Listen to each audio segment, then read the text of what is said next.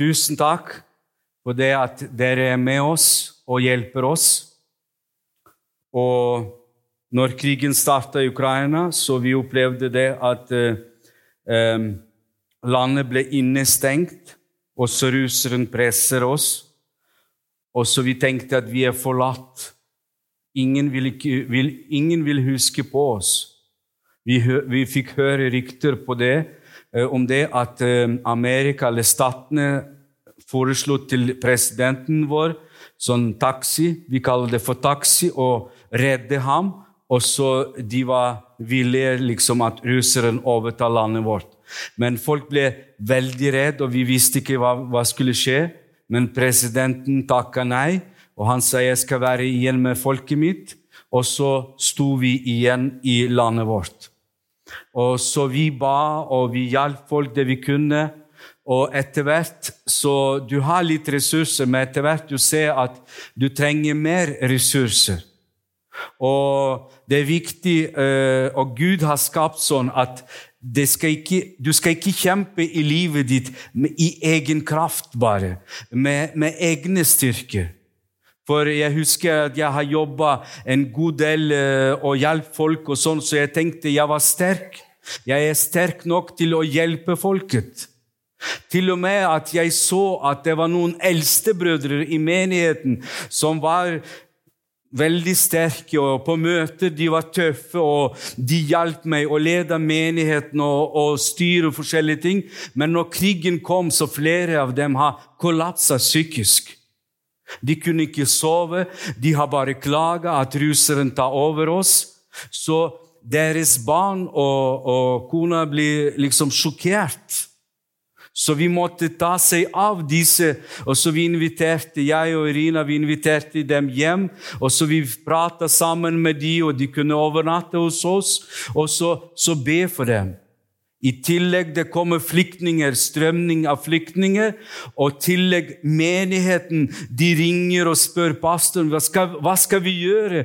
Hvor skal vi finne oss? Og, og kan du hjelpe oss? Så mange ting, og så takler du og hjelper der og der.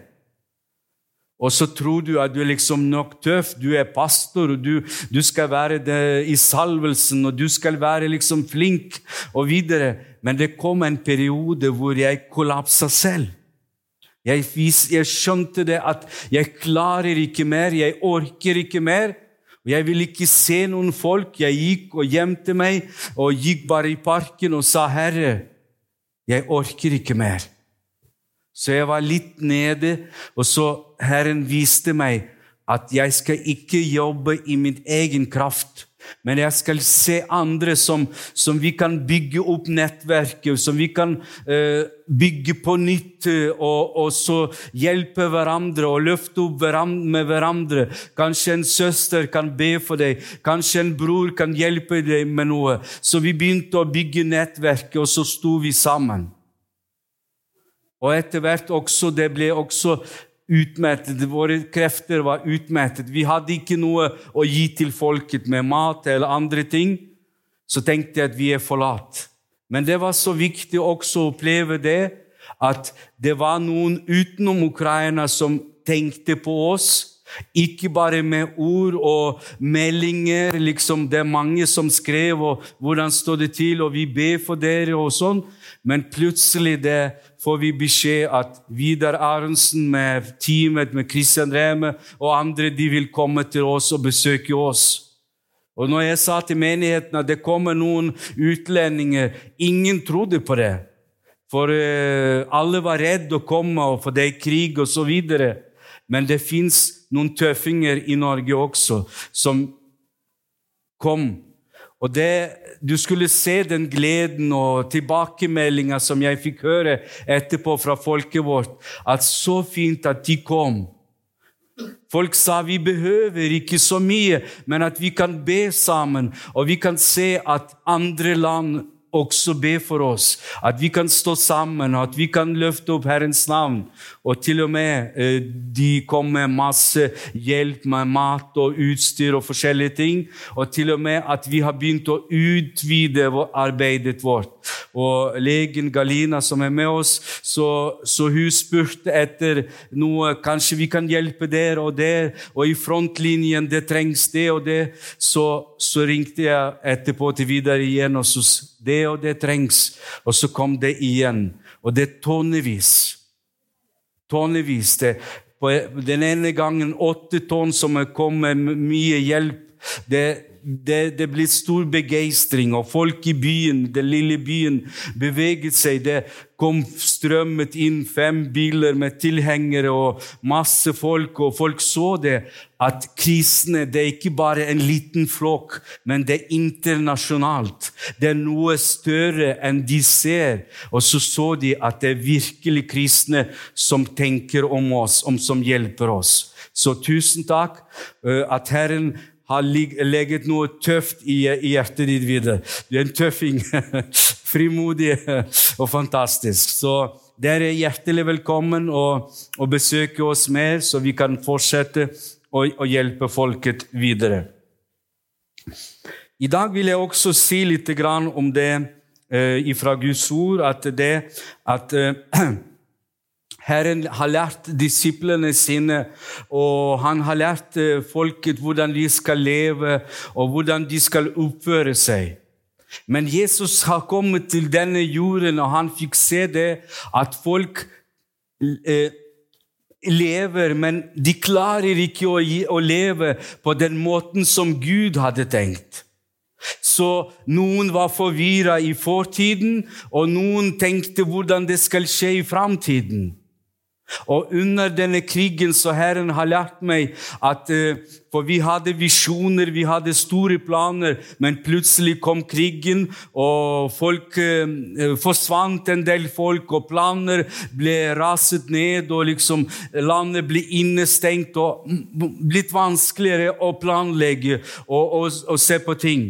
Og så den fortiden når du møter folk som opplevde det vanskelige livet sitt, og lever med fortiden, så blir det også veldig tøft å leve med det.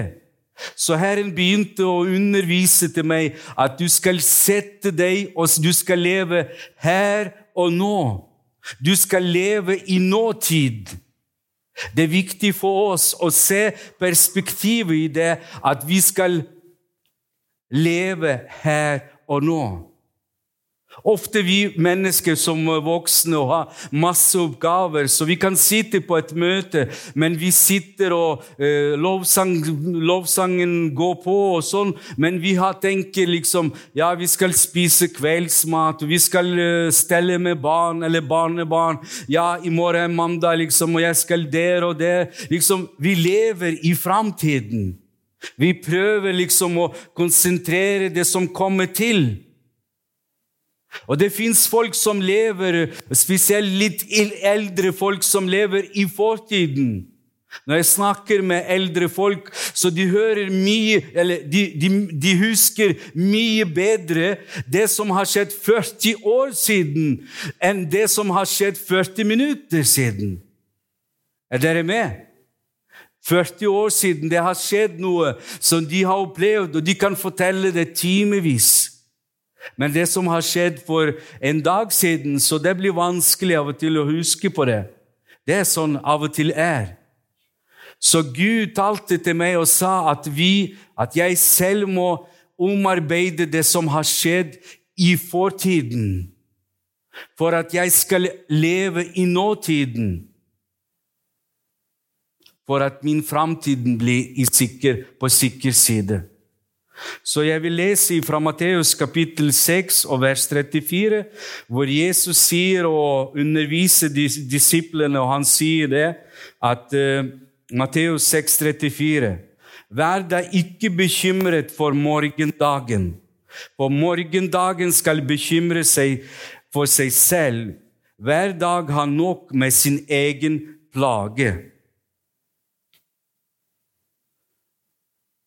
Jeg må si det at det er helt normalt, og det er normalt når du tenker om fortiden og det som har skjedd, og du, du, du tenker det, du henter de flotte opplevelsene. Du kanskje henter noe som er du, du er sinna på også, og du går med det og gruer deg.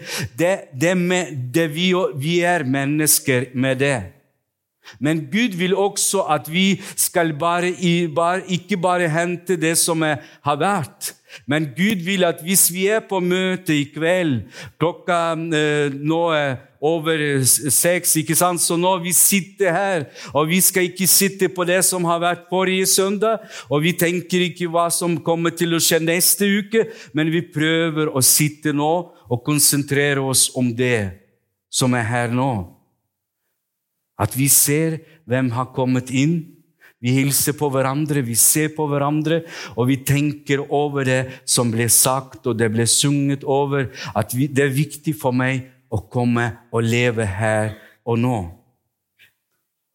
Det er også fantastisk, vi mennesker også, at vi lever og tenker på framtiden og planlegge og ha visjoner. Det er helt normalt. Da er du frisk hvis du tenker på framtida. Det er helt normalt. Å planlegge, det skal vi gjøre, for det trengs. Men Herren vil også dra oss av og til, ikke i framtida, men han vil at vi skal leve og nyte av det livet som vi har her og nå. For det kan skje i livet mitt at jeg kan være så opptatt med det som har vært i går. Og jeg kan tenke så mye på morgendagen at jeg har ikke tid til å oppleve det som skjer i dag. Jeg vil gjenta det.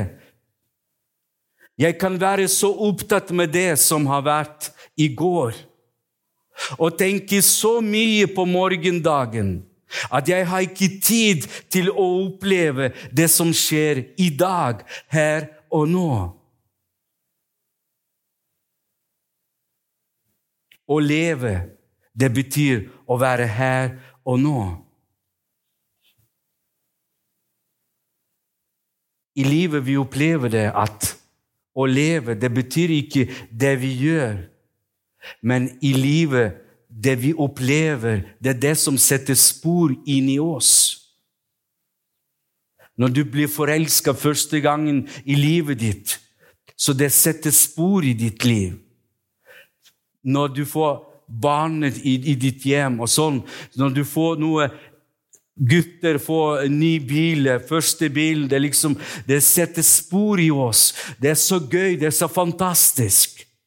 Det er ikke alltid det vi gjør, det som preger livet vårt, men det vi opplever, det som påvirker oss i livet. Så det er viktig for oss å ta disse minuttene, disse sekundene i livet, og ta til seg og oppleve de virkelig. Hvis du har fått en bil, så kan du se og se liksom, og glede den og gi på gassen. Liksom. Ikke på veien, men kanskje på parkeringsplassen. ikke sant? Så, men hvis du har det fantastisk, det er flott, så opplev det, nyt av det, og prøv det, liksom. Og Når du kommer på møte og du opplever at Jesus har noe å gi deg så du kan bli, uh, overgi ditt liv til Herren, så gjør det med hele deg selv. Ikke noe som uh, uh, bare halvveis. Liksom, ja, I dag skal jeg gi litt grann til Herren, og i morgen kanskje jeg skal gi litt mer.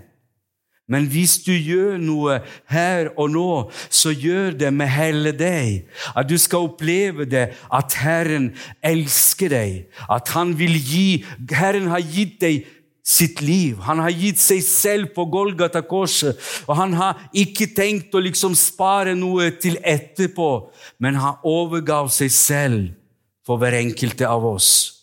For han elsket oss akkurat den dagen når du ble frelst. Han har elsket deg, og så han kalte på deg av hele sitt hjerte. Det å leve her og nå, det betyr å være i helhet. At de, liksom, din sjel, ånd og legeme er liksom til stede her fordi Herren er her. Og Herren han, han, er, han har sånne evner det at når han hører på din bønn, så han konsentrerer seg om det du sier. Selv om han har milliarder andre oppgaver, så han er interessert i deg akkurat nå, i denne stunden. Og Gud skapte oss i sitt eget bilde, og Gud har gitt oss evne, selv om vi har masse oppgaver og, og ting som vi skal gjøre på og, og, skal være i, så Herren vil hjelpe oss å se tingene som vi skal ha nå og her. Og Jeg har prøvd å snakke med noen mennesker at de skal prøve å leve her og nå. Men de, jeg har sett etter dem, så det virker sånn at de hadde noe i hjertet sitt eh, vanskelig. Selv om de har vært på jobb, og de har vært på toppen eh, på jobben, liksom har fått suksess på jobben. Og de tok på lørdager og til og med søndager de har jobba og liksom prøvde å prestere seg selv og liksom å vise seg at eh, det går veldig bra. Jeg har li livets suksess. Men når jeg begynte å prate med dem, de kunne ikke sette seg ned og liksom slappe av. De, hadde, de, de måtte gjøre noe. For han har mye oppgaver, mange oppgaver, og sånn og så videre. Så han løpte ofte ifra meg. Og så en dag satt vi oss ned og snakka med, med hverandre, og så videre. Og så sa jeg til han, behøver du å jobbe så mye mer over tid? Behøver du å vise på Facebook overalt at du er en mann som har fått det til? Han var sjokkert over disse spørsmålene. Han tenkte at jeg skulle liksom bare rose ham. 'Å, du er fantastisk. Du har fått så fantastisk jobb, og du har fått det til.' Nei, har, jeg, jeg, kunne se det litt lenger inne i hans sjel, at det var mange sår og vanskeligheter. Og så prata vi litt mer og litt mer. Så han begynte å gråte og si det, at jeg har vært utro mot min kone. Og den synden som ligger i mitt hjerte Jeg prøver å dekke med forskjellige oppgaver, og jeg prøver å dekke med forskjellige ting, og jeg tror at jeg skal prestere meg og liksom å dekke det som har skjedd med meg i fortiden. Og jeg trodde at jeg skal klare meg å komme igjennom, og jeg, liksom, det skal gå videre, for jeg skal være tøff. Og så begynte han å åpne seg, og begynte tårene kom ut. Og så sa han, du forstår at det er en stor byrde å bære på når du er utro mot noen. Og det er nettopp det Jesus eller Guds ord sier oss i Hebrevebrevet kapittel 12, fra vers 1 til 2. Det står at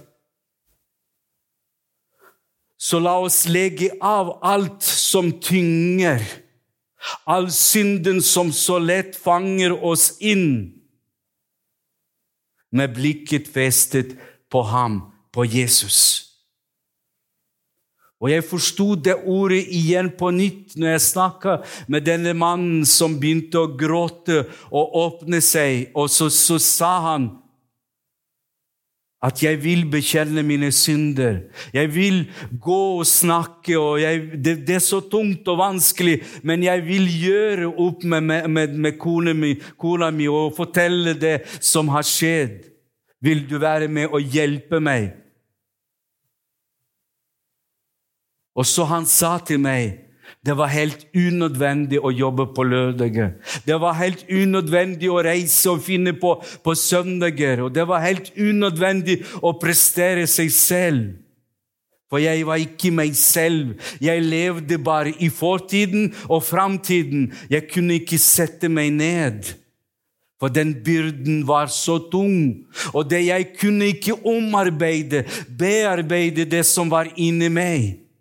Og jeg prøvde med egen kraft, men det hjalp ikke. Så etter vi fikk snakke, etter han bekjente det, Så vi ba sammen. Det står at vi skal legge av synden som så lett fanger oss inn, med blikket på Jesus. Festet blikket på Jesus. Så fikk han møte Jesus på en annen måte. På nytt. Fornyelsen skjedde i livet hans. Han ble fornya i hodet sitt, fornya i det ekteskapet Kona har tilgitt ham. Så han begynte å ta det litt med ro. Så han begynte å nyte av det at hans kone er en fantastisk dame. Å leve her og nå, det betyr å sette pris på de nærmeste du har rundt om deg. Veldig ofte vi tenker på at det har vært så bra hjemme med mamma og pappa, og min kone er ikke så flink som min mor var. Og Av og til vi tror at kanskje når barna vokser til, så får vi mindre bekymringer, så kanskje framtiden blir bedre. Nei da, vi må leve her og nå. At vi skal nyte av det, at Gud har velsignet oss med barn, med ungdommer. At vi skal sette oss ned og prate med dem og spør de hva du tenker på. Hva er din drøm? Hva drømmer du om? Hvordan går det på skolen? Hvordan går det i ungdomsflokken? Liksom, så, så, barna får se at faren eller mora blir helt annerledes. De blir ikke opptatt bare med sine egne ting, til og med religiøse ting. Gud vil at vi skal ikke bekymre for morgendagen, men vi skal leve her og nå. At vi skal sette pris på våre naboer, for våre slektninger, for vår mor og far som lever ennå. At vi skal ringe til dem og si 'Jeg er glad i deg'. Det gjør noe inni oss. Og når Gud talte til meg, og jeg begynte å prøve å praktisere det på et på et år siden, for et år siden liksom, Jeg har ikke sett mine søsken, eh, søskenbarn, eh, søsknene mine, søstrene. Og liksom Herren talte til meg du må sette pris på dem. Så jeg har lagt av alle mine religiøse arbeid og, og volontørarbeid og alt andre jeg har lagt vekk. Og så sa jeg, Herre, jeg må, må, må gå det du sier. Jeg må gjøre det. Og når jeg kommer etter et år pause møter mine søskene, mine søstrene, og så vi satt der og vi lo sammen og vi gråtet sammen, og vi har minnet om foreldrene som døde allerede nå, så, så det har gjort noe med meg. Så jeg begynte å føle meg at jeg lever her og nå. At jeg kan sette pris på mine søsken som Gud har gitt meg. Det er viktig og fantastisk. Det er ikke bare de tingene vi skal sette pris på, det vi har. Det er fint og det er flott, og vi må sette pris på det. Den jobben Gud har gitt oss, og den posisjonen vi har fått, det er veldig bra. Men det er også viktig å sette pris på det og liksom stå på sida og si, 'Gud, jeg bare takker deg at du har velsignet med det jeg har.' Og jeg bare takker deg, Gud, for det de som er rundt meg. Når du kommer til menigheten, liksom, du strømmer inn, og du liksom skal være på møte, men det står en dame, kanskje en mann, en eldre dame eller en ungdom, stå, hils på dem. Si noe godt til dem. Sett pris på hverandre som menigheten. Det er liksom å leve her og nå. Dere som familiekirken skal sette pris på de, det dere, dere har nå. Viktig for oss å få oppleve Jesu helbredelse i livet sitt. Som jeg fortalte om denne mannen som holdt på å gå ifra kona si fordi fant masse negativt osv. Men etter han ble helbreda av Jesus, så så han helt på, på en annen måte. Så han sa nei, jeg, synden ødelegger. Så fortiden, når du havner i synden, det kan ødelegge at du kan ikke sette deg ned og, og være rolig og fredelig. Det er liksom alltid noe skal gnige, kan gnige deg innvendig. Samvittigheten den liksom skal alltid si noe, sende signaler. Du får aldri ro og fred. Du kan til og med begynne å finne forskjellige oppgaver. Det var folk som har prøvd å finne oppgaver til og med i menigheten. Men oppgavene og tjenesten renser oss ikke fra synden og fra det gale vi har gjort. Synden renser bare Guds Jesu blod. Jesu blod kan rense syndene våre, og Jesus kan helbrede følelsene våre. Han kan helbrede det emosjonelle livet. Våre følelser kan bare rense Jesu blod. Jesus er glad i oss. Så han vil ikke hive på deg masse oppgaver for at du skal du rettferdiggjøre det liksom fordi du gjør noe. Det har fariserene har gjort. Men Jesus kaller oss 'Kom her og nå til meg', de som, dere som strever og har det vanskelig, for jeg vil gi deg hvile. For å leve her og nå, det, oppleve, det er viktig å oppleve renselse av Jesu blod. For at samvittigheten skal renses. For at jeg skal oppleve hvile, det er ikke bare å hvile og sitte på en stol, men å sitte og hvile, det betyr at tankene dine er helt rene. At du bare nyter av din familie og din menighet og det samfunnet du har rundt omkring deg, og den byen og det landet, liksom. Det er frihet, det er hvile. Det er å leve her og nå. Så det er veldig viktig for oss å komme til Herren og åpne våre hjertene. Og han vil rense oss, for han elsker oss. Han har kalt oss ved navnet. Han sa 'kom til meg', og så sier han ved navnet, for han er glad i oss.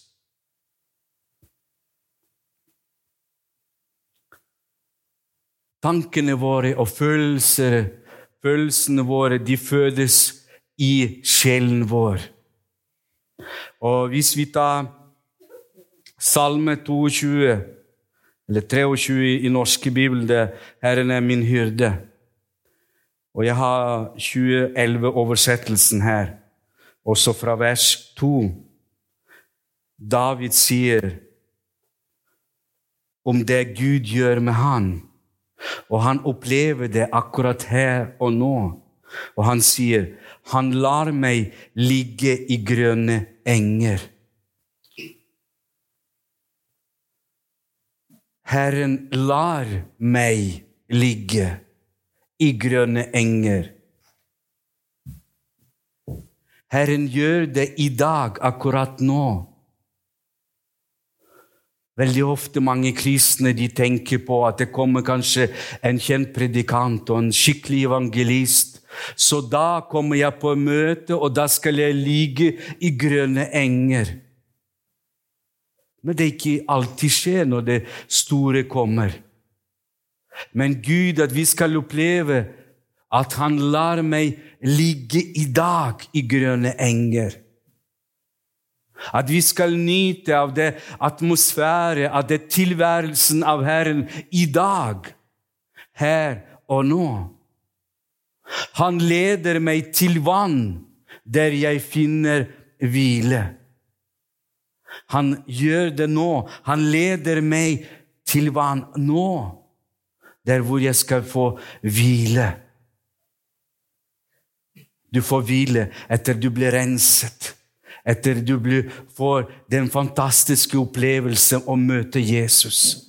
Ansikt til ansikt. Jesus er glad i oss, og han vil at vi skal bli ledet til vann der jeg finner hvile. Og videre det står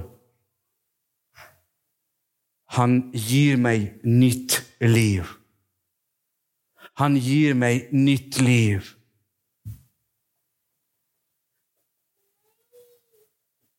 Når du lærer deg opp å leve her og nå, det blir som et nytt liv. Du trenger ikke å vise til andre at du er tøff nok, og du liksom rekker til, at du er flink nok.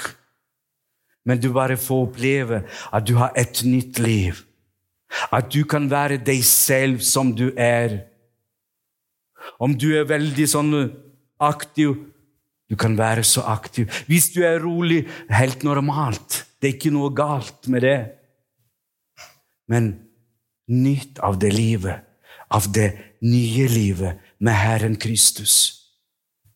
Det er veldig viktig. Han fører meg på rettferdighetsstier for sitt navns skyld.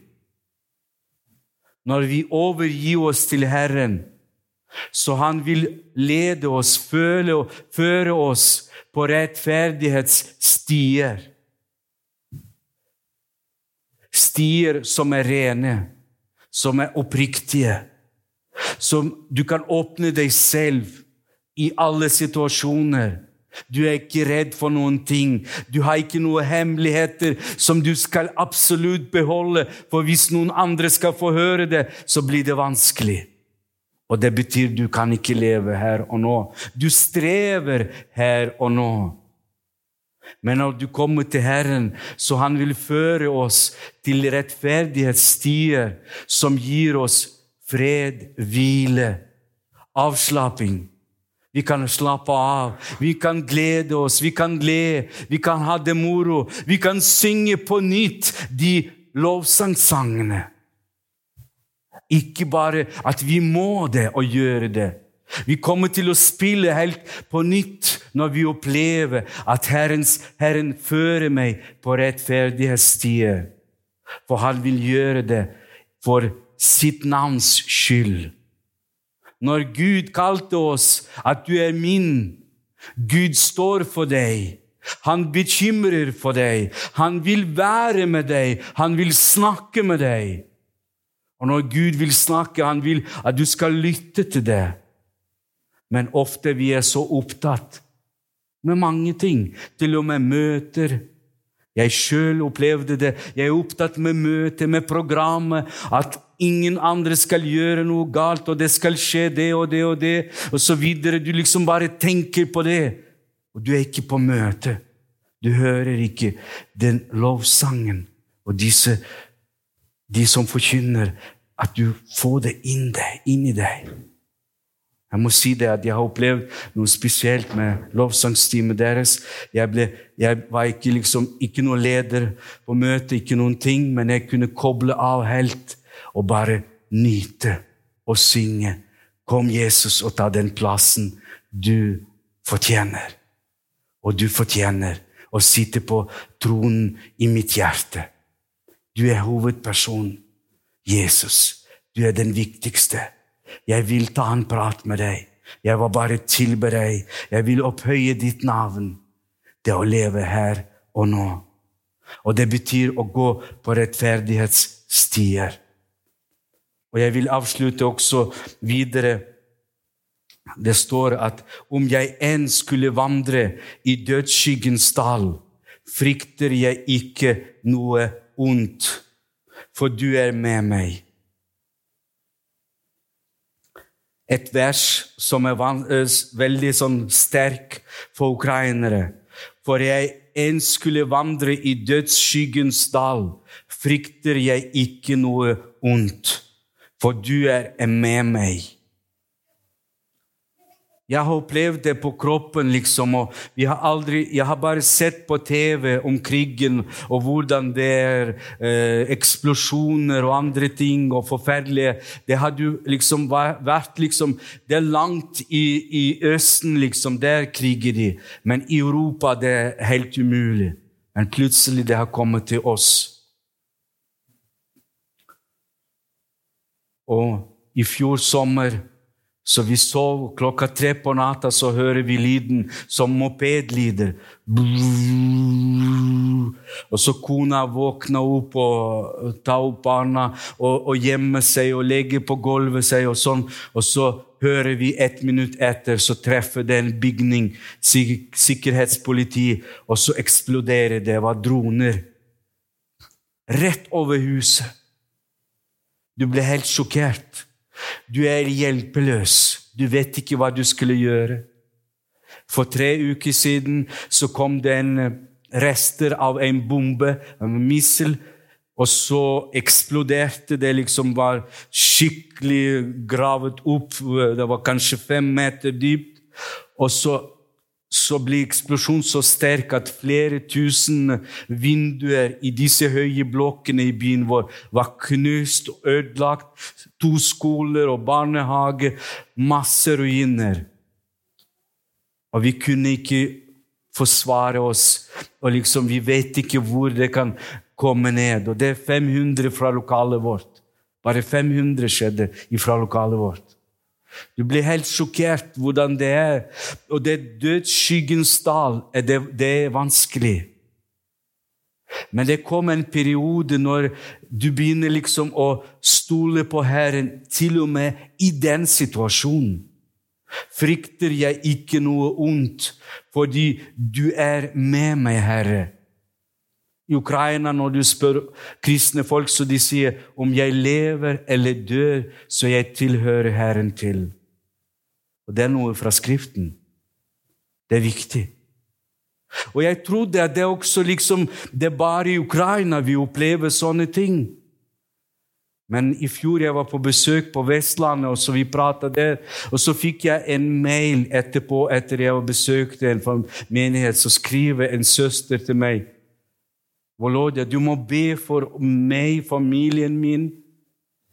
Og så leser jeg videre, for vi hadde den tøffeste året. I fjor var den tøffeste året vi hadde. Og jeg tenkte i Norge det fins ikke noe problem. Det er liksom bare herlig og fredelig og fantastisk. Og så skriver hun at min datter har fått kreft. Og etterpå fikk vi beskjed at svigersønn har fått kreft. Det er tøft. Det er en kamp. Det er dødsskyggens dal, som hun skriver at jeg går igjennom. Så vi måtte be sammen, be for hverandre, at Herren skal hjelpe oss. At vi skal se at Herren hjelper oss. At vi skal frykte ikke noe ondt, men nå, i dag, vi skal oppleve at Herren er nær oss. Han er med oss i alle slags dager. Så jeg vil at vi skal be til Herren nå. Vi skal bøye våre hoder, og vi skal åpne våre hjerter. Prøv å gjøre det, om du er eldre eller ung. ung. Ta deg tid lite grann, og lukk igjen dine øyne, og så åpne ditt hjerte. Og du skal lytte til det som Herren sier til deg. Du kan si til Herren det du opplever nå. Om du vil takke Herren, så gjør du det. Gled deg over det at Herren holder sin hånd over deg. Om du vil si noe det er fra det dype hjertet ditt og si 'Herre, velsigne mitt liv, mitt framtid'. Velsigne meg i dag, så jeg kan gjøre rette valg i framtiden. For hvis vi lærer oss å leve her og nå, å gå den rette veien nå, så vil det skape fantastiske ting i framtiden. Når vi lever i Guds ord, når vi lever i fellesskapet, når vi lever i Jesus Kristus, det vil bringe evigheten for oss. Ikke bare det vi opplever her på jorden, men det vil skape framtiden for oss sammen med Herren Jesus. Å leve her og nå, det skaper framtiden. Herre, vi tilber deg. Vi lover deg, Jesus. Herre, vi takker deg for det du er nær oss, Herre. At du er den levende Gud. At du forstår det språket vi snakker nå, Herre. Du forstår, Herre Jesus, det vi har på hjertet vårt. Og du forstår eldre folk, du forstår middelalders folk, Jesus, og du forstår ungdommer. Og du kjenner til hjertene våre, Herre. Jeg ber deg, Herre, du må røre ved hjertene våre, ved livene våre, Herre Jesus. Vi kommer til deg for at du skal vise oss veien. Du skal vise det vi kan gjøre nå, her og nå, Jesus. Om vi skal bekjenne noe, og du skal rense det, Herre Jesus, eller skal vi hvile i det, Jesus, eller vi skal lovsynge det, Herre Jesus. Du viser oss. Halleluja. Du velsigner oss. Jeg ber for ungdommer spesielt, Herre, at du skal røre ved hjertene dine, deres Herre Jesus, for at de skal ha framtid i deg, Jesus, i dine hender, Jesus. At du skal velsigne det med de oppgavene de har, eller de skal få, Herre Jesus. De talentene som du har satt i dem, Herre, velsigne dem og styrke dem, Jesus. At de skal oppleve at du er med dem fra ungdomsdager. Velsigne oss, Herre, videre.